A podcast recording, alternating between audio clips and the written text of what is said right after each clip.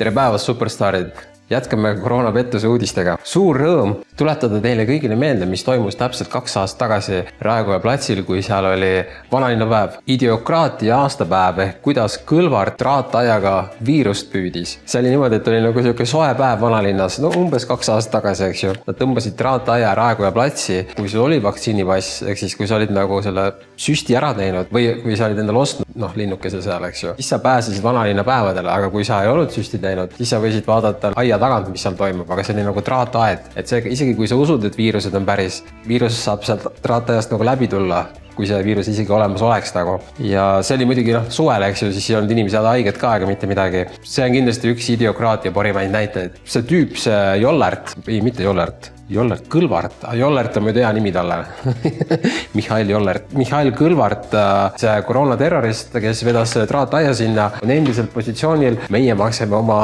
maksudega seda, sellele tüübile palka ja noh, ülikõva Jollertiga jätkame, ehk siis äh, Karmen Joller, üks teine koroonaterrorist, kes siin valetas kogu see aeg, et siin jõhker paanika, inimesed surevad tohututes hunnikutes ja et koroona tapab ja et viirused levivad ja et sa pead kandma maski ja sa pead hoidma distantsi ja sa ei tohi minna jooksma õue, metsa ja sa ei tohi mängida välju, mänguväljakul, ehk siis nagu ultimate koroonaterrorist. noh, nagu te teate, mis see tulemus oli, et Eestis kuskil kümme tuhat inimest suri nende vaktsiinide tagajärjel. nüüd see tüüp, kõrgel positsioonil mingisugune tegelane, maksumaksja rahadega makstakse kinni kõigile täiesti hästi pohhu ka veel, eks ju, siis see tüüp tahab teha niisuguse asja, et tuleb mingisugune tõeministeerium. tüüp, äh, ehk siis Karmen Joller, kirjutas Eesti Ekspressis äh, emotsionaalse artikli, mille pealkiri oli, et Terviseametil peaks olema häbi, pole midagi teinud, et libameditsiini harrastavate arstide tegevust piirata. ehk siis see tüüp, kes ultimate libameditsiini esindaja, kes valetas teile kolm aastat kogu selle nonsense'i osas, teeb seal propagandat, eks ju. meie maksame tema palga kinni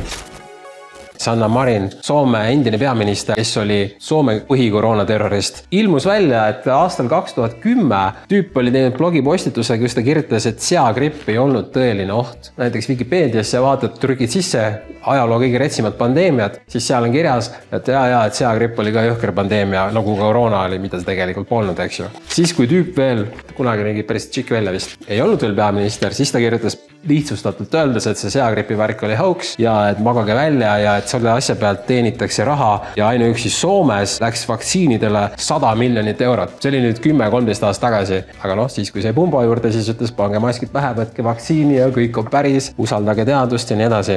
Lähme edasi järjekordse koroonaterroristiga, seekord Briti peaminister Sunak, kes on ka siis äh, World Economic Forumi võsuke tema teenib Moderna vaktsiiniga Modernasse investeeritud rahadega miljoneid. tüüp, kes maksumaksja rahadega hoitakse seal nagu mängimas seda peaministrit, see teenib isiklikult jõhkrat kasumit, kui ta ütleb, et koroona on päris ja vaktsineerige ennast ja kogu see asi.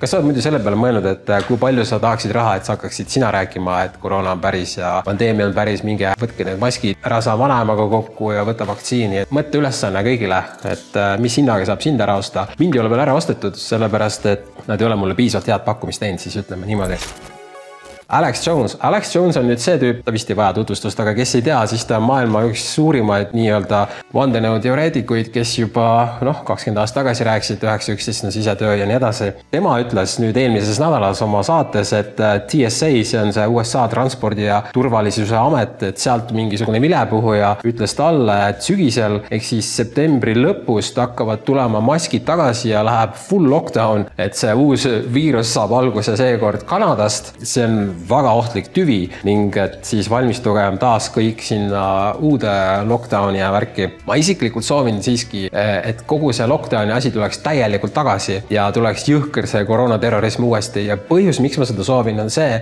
et kõik koroonaterroristid nii Eestis kui välismaal on endiselt võimul. kui sina käisid valimas, väga suure tõenäosusega valisid sa koroonaterroristi, sest et minu teada on seal ainult kaks tüüpi, kes ei ole koroonaterroristid, kellest üks on Kalle Grünthal, teine on Varro, eks ju. ja need tüübid, need tuleks kõik ära kõrvaldada sealt, sest inimkonnana on meie ülesanne garanteerida, et see, mis koroonaga toimus, see ei saaks mitte kunagi uuesti korduda BioNTech on teatanud, uus pühavesi on valmis. seekord tuleb kasutusele mingisugune ühekordne pühavesi ja nagu ka varem, minu pühavesi toimib ainult siis, kui sina võtad ka Nobeli füüsikapreemia laureaat kirjutas alla maailma kliimadeklaratsioonile, mis ütleb, et kliima hädaolukorda ei ole. üllatus-üllatus, nagu me kõik teame, kogu see kliimavärk on pettus, eks ju, aga nüüd, mis on toimunud, on huvitav areng, et üks moodsa teaduse hiiglasi, füüsikateoreetik John Clauser kirjutas alla maailma kliimadeklaratsioonile ehk siis World Climate Declaration, mis kinnitab, et kliima hädaolukorda ei ole. see tüüp, kes sinna alla kirjutas, on eelmise aasta Nobeli füüsikapreemia üks laureaate, ehk siis ta on nagu selles valdkonnas kõige retsim vend üldse ja see ütleb, kogu see kliimaasi on hoax. ta ütleb, et maailmas vohab pseudoteadus, kui räägitakse kliimast. see on ju nagu nii kõrgele, kui üldse minna saab. samal ajal Eestis on mingi kliimaminister, jälle meie maksame rahad kinni, kõigil on täiesti pohhu, eks ju. see vend ütles, et kogu asi on hoax. no see oleks, ütleme, sama hea, kui praegu tuleks Joe Biden välja ja ütleks üheksa, üksteist on sisetöö roheministril on kõik lubatud. Austraalia reisil valati maha kaheksakümmend tonni naftat. Saksamaa rohepesuminister ehk siis Roheliste erakonna välisminister Anna-Lena Baerbock, kutsume teda Annaks. tal juhtus selline rohelistele tüüpiline intsident, et kui ta oli reisil Abu Dhabist Austraaliasse, ta oli reisil sellepärast, et minna kiiresti ühest kohast teise, et rääkida kõikidele, et maailm sulab ülesse. siis pidi lennuk tegema mehaanilise probleemi tõttu ohutuse huvides peatselt pärast õhku tõusmist tagasi pidi tulema, eks ju, nii. aga selleks, et Abu Dhabis turvaliselt maanduda, pidi lennuk esmalt suure koguse kütust välja valama. Airbusi kütuseks kasutati pikal marsruudil sada kümme tonni naftat, sellest kaheksakümmend tonni tuli aga välja valada. kui roheminister käib nagu seda planeeti päästmas seal selle lennukiga, siis vahepeal on vaja kaheksakümmend tonni naftat välja valada. kui lennuk tõuseb õhku, vaata, eks ju, siis ta lihtsalt lendab niimoodi sirgjooneliselt, et see ei ole nii, et ta peaks nagu mingisuguse kumeruse osas nagu sättima nina alla, ei ole, eks ju, ta tõuseb õhku ja siis lendab ainult otse. see on sellepärast maa lame, vaata. no et kui sa tahad kapist välja tulla, siis ei saa ainult koroonaga kapist välja tulla, et sa pead panema sinna lameda maa, üheksa, üksteist sisetöö, kliimapettus, eks ju, meditsiinipettus, viiruseid pole olemas, homöopaatia on safe, kanep pole ohtlik, ajalugu on ainult kakssada aastat vana, me elame simulatsioonis ja kõik need värgid, eks ju. tšau.